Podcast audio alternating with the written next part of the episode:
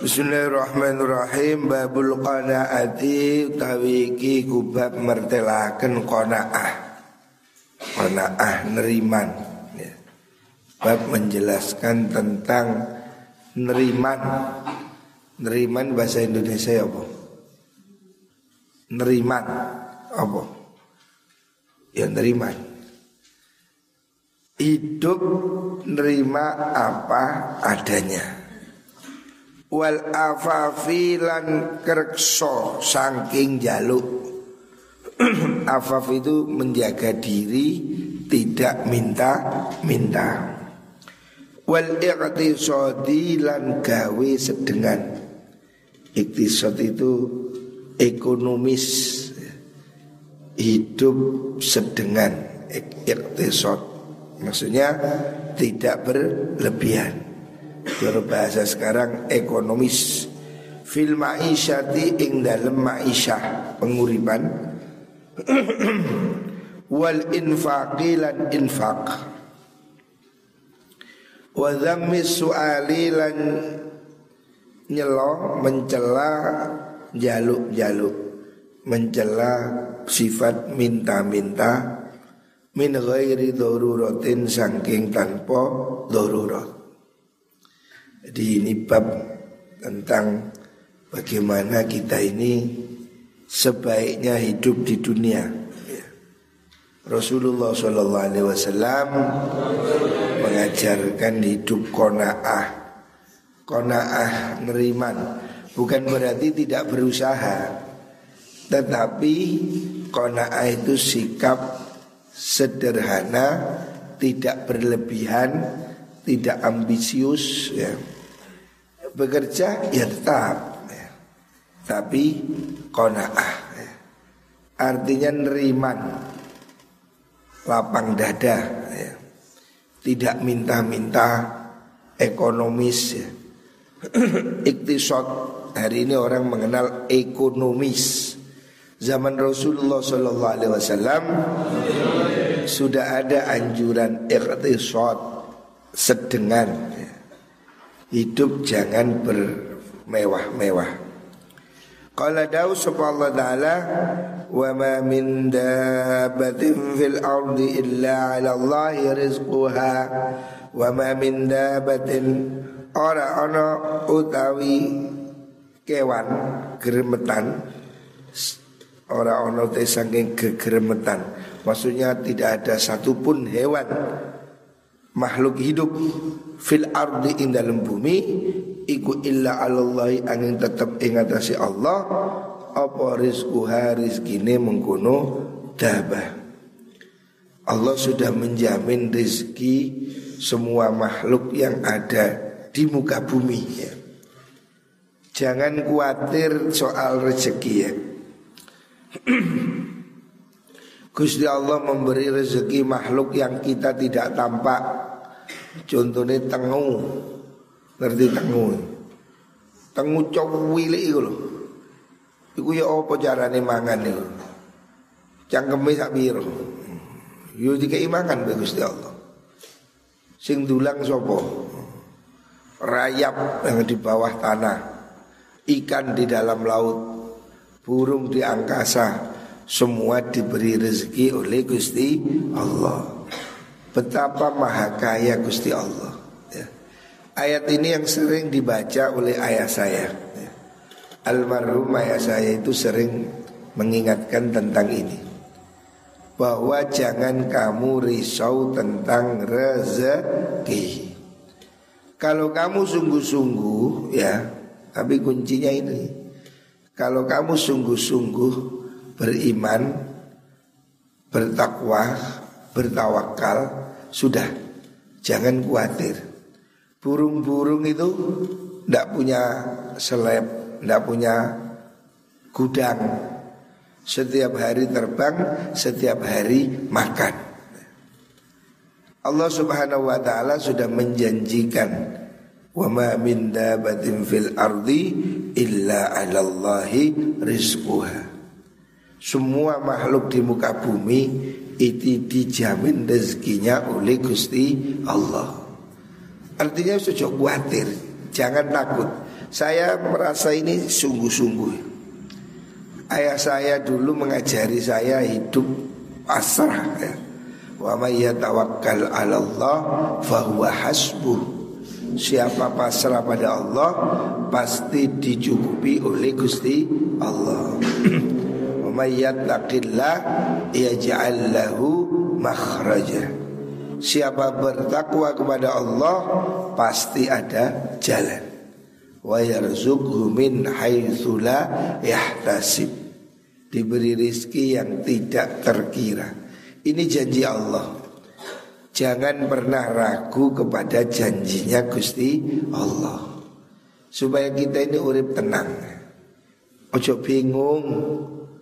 Bingung mangan opo, mangan sopo.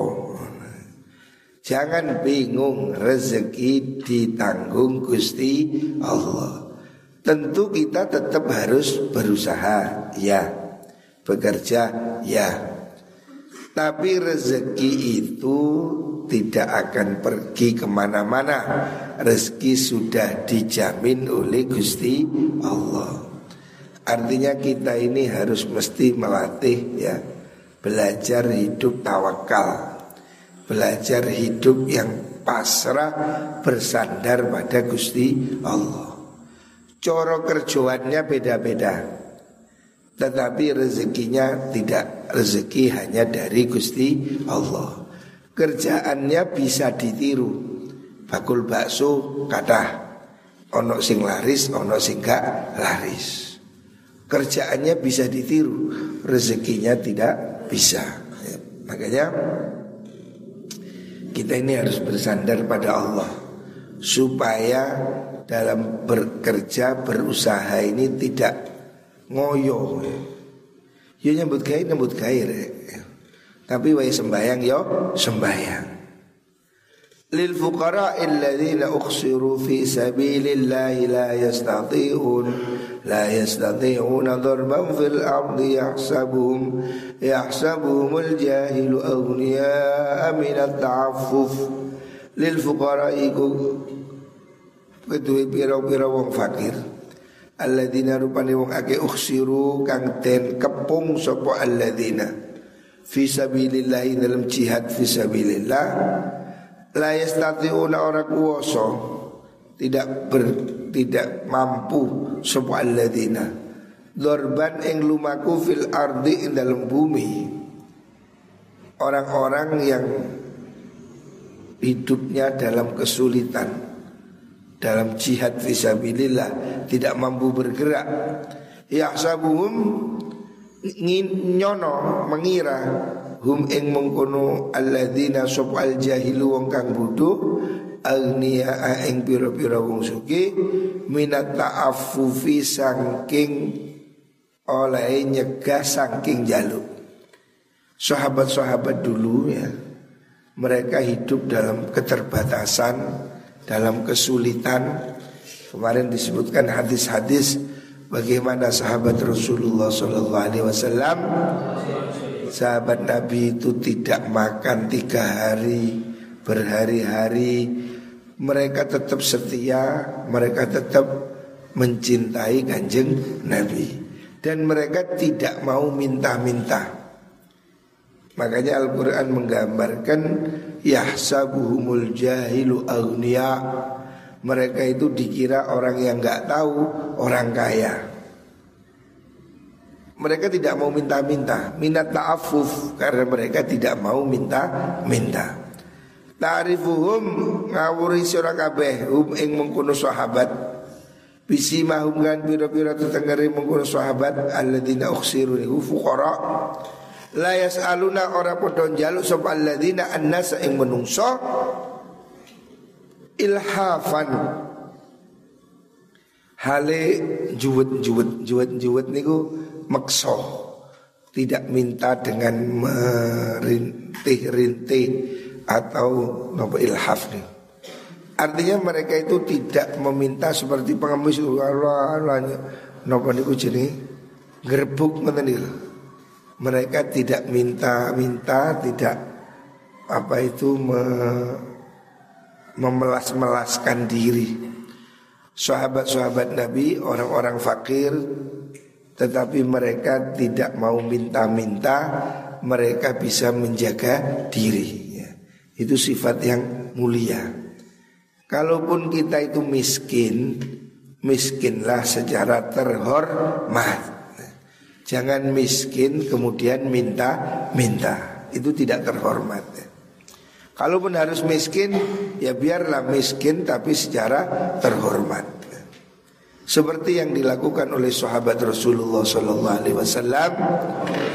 Mereka ini fukara, mereka ini miskin, tapi mereka tidak mau minta-minta. Ini salah satu sikap yang harus kita tiru.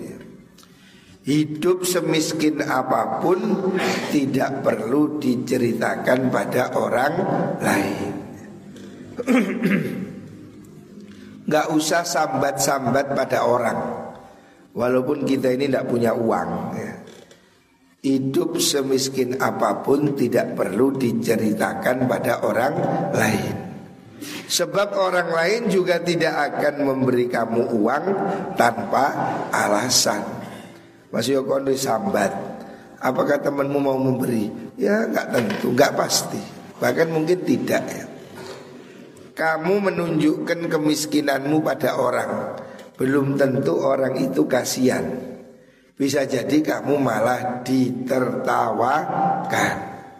Makanya tidak usah sambat pada orang.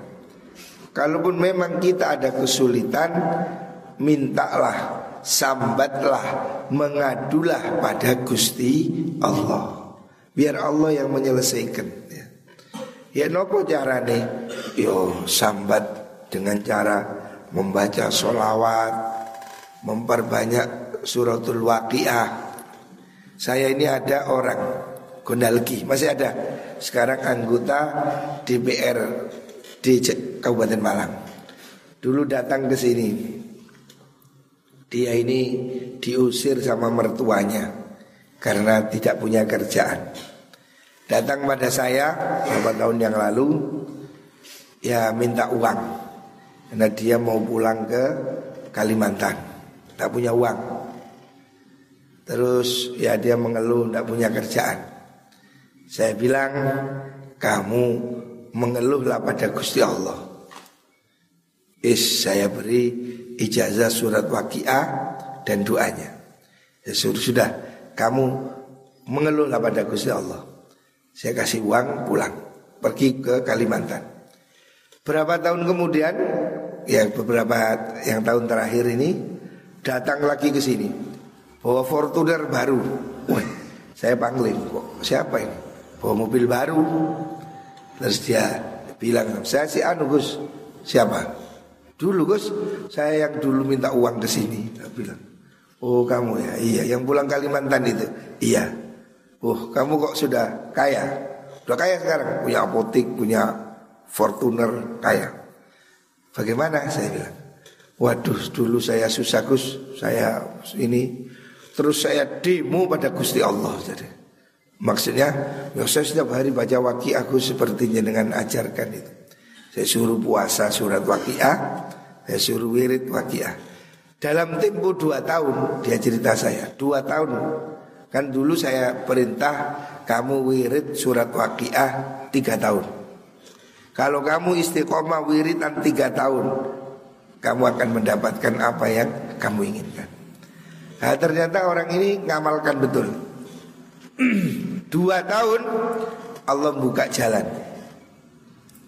Hari ini ada orangnya di Gondalki. Hari ini jadi anggota DPR, ya lumayan kaya datang sini sudah bawa Fortuner baru. saya bilang kok sudah kaya kamu? Iya Gus saya alhamdulillah begini. Ini contoh ya. Sambat nang Gusti Allah. Jangan kamu adukan problemmu pada manusia. Manusia tidak pernah bisa menyelesaikan masalah. Yang bisa menyelesaikan hanya Gusti Allah. Banyak contoh. Ada lagi itu kepala desa Ndiku Sri Mulyo alumni sini sekarang ya lumayan saya datang rumahnya mobilnya ya banyak kebun cengkehnya puluhan hektar Dia cerita saya. Saya dulu ngamalkan surat waqiah setiap hari kerja ke Panjen sambil nyetir sepeda saya baca waqiah Ya, alhamdulillah. Sambat nang Gusti Allah ya. Gusti Allah itu pasti mendengar. Lah ini sudah diajarkan oleh Rasulullah Wasallam. Siapa orang setiap malam baca surat waqiah tidak akan miskin, tidak akan melarat selama lamanya. ini kan sudah diberi solusi. Jadi kalau kamu merasa takut hidup ini, sambatlah pada Gusti Allah. Jangan kamu mengadu sama manusia. Manusia kamu aduin belum tentu membantu. Tapi kalau Allah pasti ada solusi ya. Wa qala ta'ala walladzina idza anfaqu lam yusrifu wa lam yaqturu wa kana baina dzalika qawama. Waladina lan wong akeh idza anfaqu nalikane nafaqahaken membelanjakan sapa alladzina. Lam yusrifu mongko orang liwati wates tidak berlebihan sapa alladzina. Walam lan orang ngirit tidak terlalu ngirit tidak terlalu boros. Takdir itu ngirit ngirit yang berlebihan. Wa kana lan ono sapa sapa wong ibadur rahman niku baina dzalika antarane mengkono israf lan taktir iku kawaman kang tengah-tengah ini sifat yang dipuji oleh Allah dalam Al-Quran surat Al-Furqan tentang orang-orang yang diaku sebagai hamba Allah.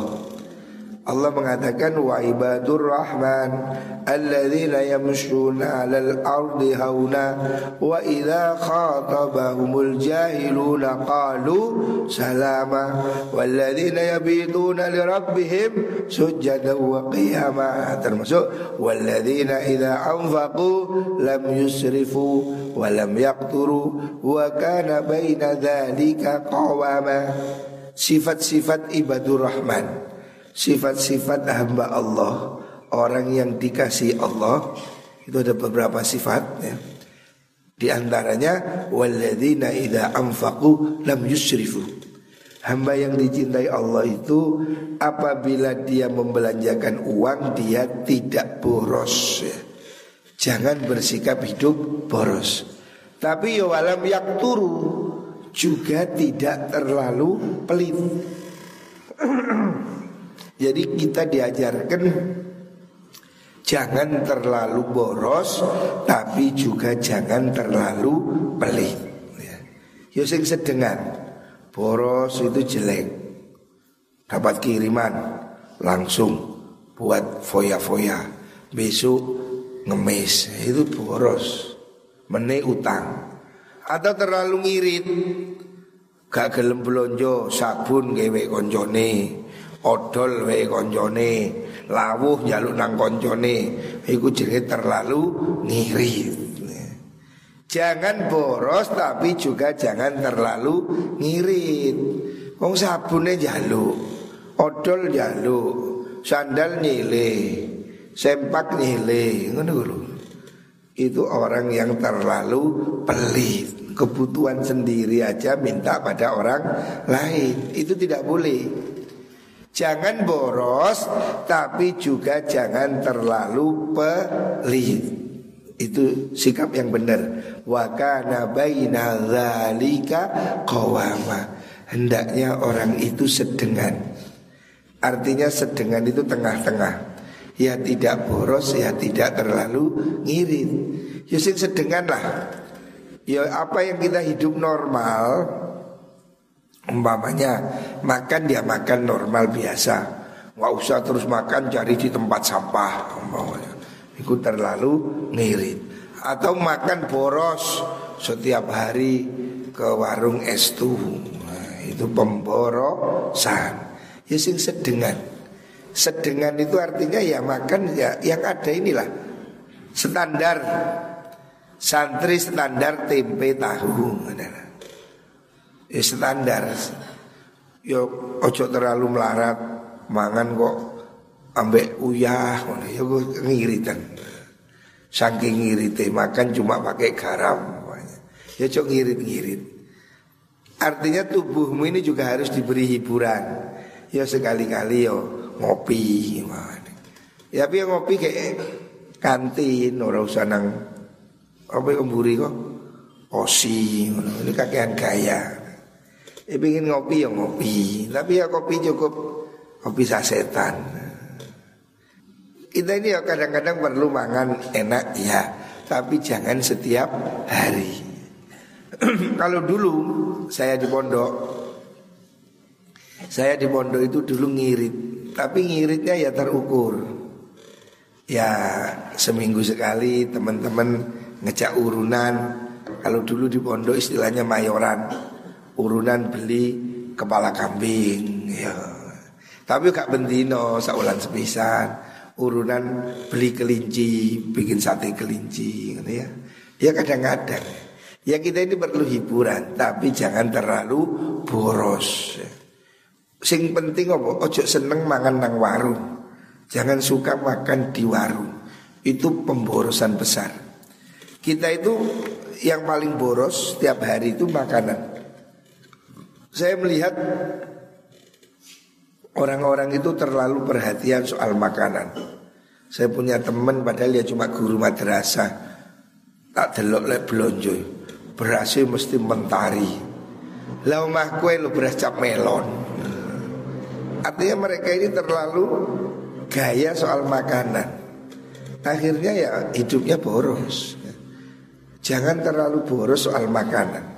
Mangan bisa onoi, ojo seneng nang warung. Is makan tahu tempe. Saya ya ikut makan ya seperti kamu biasa. Malah saya ini yang ngurangi makanan. Jangan boros. Makanan yang setiap hari itu boros. Kalau kamu setiap hari pergi ke warung Pergi itu boros. Dan itu menjadi watak ya. Makanya kan delon Ya contoh ya Supir-supir. Itu rata-rata kan nggak bisa nabung. Karena kan makannya mesti ke warung Rokok Iji Samsu Dan nyupir rokok Iji Samsu Ya gak nyelengi ya entek gembong. Terus tak supir-supir ya. Manganin nang warung. Coba dia mau hemat makannya bontot, pasti dia cukup duitnya. Tapi saya lihat rata-rata mereka begitu kayak hidup para supir itu. Makan di warung, rokoknya minim surya, jisamsu. Itulah kenapa mereka tidak bisa kaya. Ya karena biasa hidup boros. Nah itu jelek. Kalau sudah boros, susu nyolong. Ini sudah ada dulu kasus di sini. Supir saya sendiri, supir rumah saya. Ya begitu setiap malam kendekus, setiap malam makan. Setelah itu menikah, tidak kerja, biasa makan, enak. Ke mana? Mencuri di toko pasar Hafid itu. Ini setiap anu ke tokonya Hafid nyolong, ke tokonya Hafid nyolong, pura-pura membantu nyolong, nyolong, nyolong, lama-lama ketemon. Itu diurus dia sudah mencuri waktu itu 18 juta. Lu padahal asalnya ya anak pondok ya ikut saya nyupir di rumah saya. Tapi itu karena dia suka ke warung. Dulu sudah saya ingatkan Waktu masih di sini udah tak ingetin. Kamu jangan suka ke warung. Jangan suka jajan Akhirnya itu menjadi kebiasaan Seneng jajan Sampai pulang Biasa jajan Nyambut kai Gak pate ono Akhirnya ya ke sini datang ke toko pasar itu nyolong, nyolong, nyolong itu. Akhirnya jadi pencuri. Karena apa? Gaya hidupnya mahal. Ya. Dulu waktu masih di pondok dekas dekus saya. Itu makanya saya tidak suka. Saya lihat anak ngerokok ke warung itu saya tidak suka. Sebab apa? Itu mentalnya sudah jelek, mental boros. Akibatnya nyolong itu sudah kasus-kasus pencurian. Ada anak di pondok mencuri. Itu kasusnya dari situ. Dari ngerokok keluar malam makan di warung kemudian mencuri. Makanya jangan sampai ya. Jangan sampai jadi mencuri. Dari mana itu? Dari sikap boros ya. Seneng nang warung ini bahaya dari situ. Orang seneng makan di warung itu jelek ya. Ya kalau sekali-kali waktu pergi bolehlah Tapi jangan sampai setiap hari Kalau kadung biasa Tuh saya punya teman di Surabaya Setiap hari, tidak masak Jadi setiap hari itu semua gufut semua. Sak dulu itu sebentuk ini gufut kayak meja tumbuk-tumbukan. Adik gufut dewe, kakangnya gufut dewe Semua serba gufut. Nah terus si opo Jadi tidak masak. Ya karena semua suka ke warung. Itu contoh hidup boros. Akhirnya ya habis duit untuk begitu-begitu ya. Grab-grab ya Wa qala ta'ala wa ma khalaqtul jinna wal insa illa liya'budun.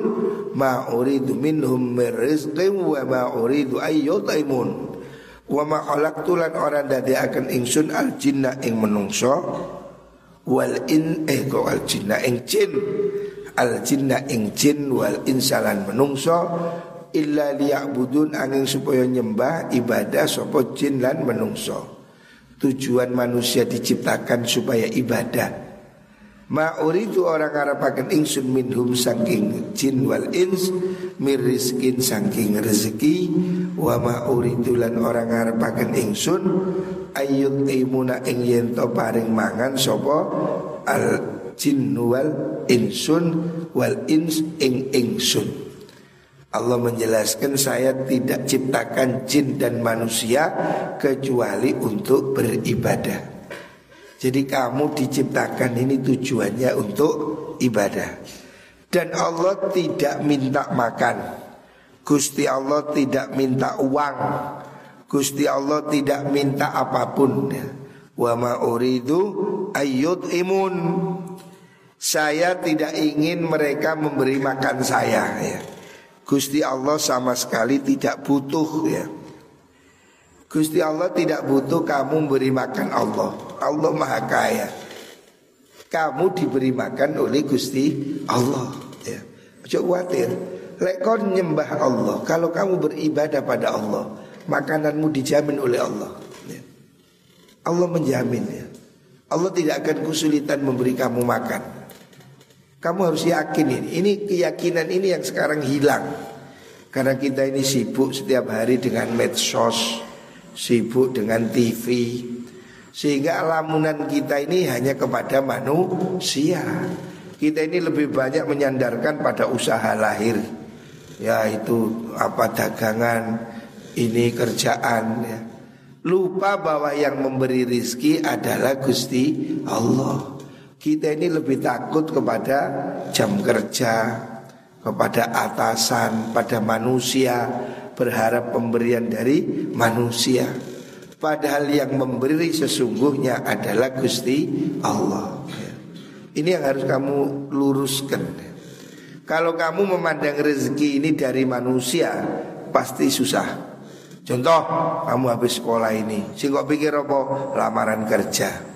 Lamaran kerja, ngelamar sana sini belum tentu ada. Kemudian ada pun kerjaannya belum tentu cocok. Cocok pun gajinya belum tentu cukup. Karena kamu minta rezeki pada manusia. Coba kamu bersungguh-sungguh. Beribadah yang baik. Berzikir. Memperbanyak surat waqiah. Perbanyak sholawat. Nanti jalan rezekinya ada. Kamu tidak usah mencari. Nanti Allah akan tunjukkan. Contoh. Tahadusan bin nikmah saya pulang dari pondok bisa kerja apa? Wong saya ini mondok salafiyah diniyah, nggak ada pelajaran matematika. Saya sekolah nggak ada pelajaran akuntansi, nggak ada. Pelajarannya alfiyah, wah ibnu akil, Jairun Maknun, Ukudul Juman. Pulang dari pondok secara logika saya mau kerja apa? Waktu itu ijazah saya juga nggak laku. Terus mau kerja apa? Kalau saya bingung cari kerja, ya mungkin nemu kerja jadi apa? Tukang sapu paling. Lah kerja apa? Jadi dosen ijazah guru kan duwe. Jadi pegawai negeri ya kan. Tidak ada sudah yang saya harapkan. Tapi saya berharap pada Gusti Allah. Seandainya saya mengandalkan akal saya. nah ini Pulang dari pondok ijazah saya itu loh. Ijazah Tirboyo tulisannya Arab. Digowo nang ngelamar jadi polisi umpamane. Diguyu Pak polisi. Iki jimat apa? Ngono. Ngelamar nang kantor kecamatan umpamane. Ya paling diterima jadi tukang sapu. Itu ijazah tulisannya Arab. Karena itu saya tidak berharap pada manusia. Saya nggak cari kerja pada manusia. Saya bekerja pada Gusti Allah. Sudah saya pulang dari pondok tekun ngajar ngimami lima waktu. Dulu saya belum ada pesantren ini, masih di pesantren timur. Saya hanya bekerja pada Gusti Allah. Saya ngugemi dawuhnya ayah saya. Wa may yatawakkal 'ala Allah fahuwa hasbuh. Siapa pasrah pada Allah, cukuplah baginya. Dia akan dicukupi Allah. Ini contoh perjalanan. Pulang dari pondok saya fokus ngajar dan tidak dibayar. Yola ngajar di sekolah negeri. Saya ngajar di pondok tidak dibayar. Ya sudah secara alami saya punya warisan tanah nanam pepaya, nanam lombok, nanam sengon. Ya udah alami aja. Dari situ kemudian mulai belajar. Oh, jualan ini, jualan itu. Menikah istri saya mulai istri saya ini anaknya kiai tapi anaknya kiai yang hebat tidak manja. Istri saya ikut mikir apa? Oh jualan ini dadar, nah, jualan lauk, ya jualan lauk itu kirim ke warung. Gitu. Ada tumbuh bertumbuh ya. Tidak langsung enak, jangan kamu lihat saya sekarang. Enggak dulu saya juga nggak punya apa-apa. Sepeda motor tidak punya saya. Saya menikah itu hanya punya sepeda pancal. Mobil tidak punya, sepeda motor tidak punya. Tapi Allah memberi peran perjalanan waktu sambil riadoh itu surat waqiah itu. Saya yakin betul karena ayah saya dulu jauh begitu. Ayah saya meyakinkan saya, kamu tidak akan melarat. Jadi ayah saya itu bilang begitu. Kon gak kira melarat, kamu tidak akan miskin kata ayah saya. Jadi ayah saya memberi saya garansi, kamu tidak akan miskin. Apa terusannya? Asal kamu setiap malam baca surat waqiah. Itu sudah yang saya yakini. Saya percaya dan ayah saya bilang begitu. Ini dawuhnya Nabi. Nabi bersabda siapa orang baca surat waqiah setiap malam tidak akan miskin, tidak akan melarat selama-lamanya. Makanya ayah saya hanya pesan itu. Sudah, ayah saya tidak ngajari saya ke pasar, ayah saya tidak ngajari saya makelaran, enggak. Ayah saya hanya mengajari saya ngaji. Tapi kemudian Allah memberi rezeki, buktinya seiring waktu dapat kenalan, dapat teman, saya nyoba dagang gula, dagang tebu, dagang cengkeh, dagang banyak hal yang pernah saya lakukan. Termasuk dagang tembakau dulu. Ambil tembakau dari pabrik rokok Bentul. Tembakau yang sudah afkiran. Jadi rokok itu kan dikirim ke pasar. Nanti kalau sudah 8 bulan ditarik lagi rokok tidak laku itu. Itu dibongkar lagi, dibuang karena rokok itu masa berlaku apa mungkin maksimal 8 bulan itu satu tahun. Setelah itu ditarik, dibuang, apa di dirusak supaya tidak dijual. Dirusak, nah itu dijual. Gabusnya dijual, bakunya dijual. Ini juga saya itu ngambil baku baku afkiran itu. Atau orang ngelinding rokok itu kan jatuh-jatuh disaponi, dikumpulkan. Lalu saya itu pernah dagang baku afkirannya itu. Saya jual ke pabrik-pabrik rokok kecil. Ya kerjaannya datang sendiri, jadi nggak usah dipikir. Kalau Allah beri rezeki, jalannya kemudian ada gitu loh. Jangan keliru, kamu cari jalannya, rezeki ini gak ono, percuma. Ibarat tuh ngeduk sumur, gak ada sumber kok kuacul. Ya tetep sampai bungkuk dan banyu nih. Tapi kalau sumbernya itu ada, ya pasti keluar, moro-moro mencudul gitu. Sumbernya inilah Gusti Allah. Jangan ribut dengan salurannya. Kerjaan ini cuma saluran. Sumbernya dari Gusti Allah. Ini harus diyakini.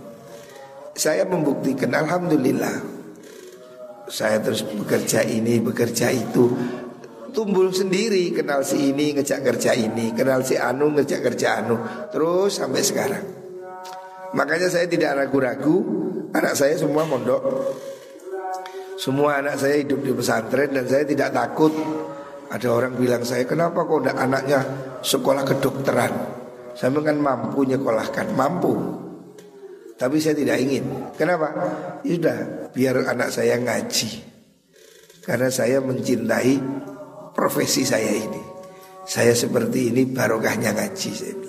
Saya tidak khawatir anak saya miskin. Enggak, saya tidak khawatir. Saya tidak ingin anak saya jadi karyawan. Kalau anak saya saya sekolahkan nanti jadi karyawan. Tak sekolah no, jadi sarjana. Mari ngono ngelamar nang Telkom jadi pegawai Telkom. Enggak, saya enggak mau. Anak saya harus cari bos. Makanya anak saya tidak saya sekolahkan, saya pondokkan. Saya tidak ingin anak saya jadi karyawan. Saya ingin anak saya jadi juragan. Makanya saya enggak enggak ribut. Ya seperti saya dulu, enggak punya ijazah enggak apa-apa. Sekolah lagi kapan pun bisa. Saya kuliah ini setelah menikah punya anak baru kuliah. Enggak apa-apa ya. Yang penting kita ini tetap beribadah pada Gusti Allah. Mugo-mugo kabeh dimudahkan rizki oleh Allah Subhanahu wa taala.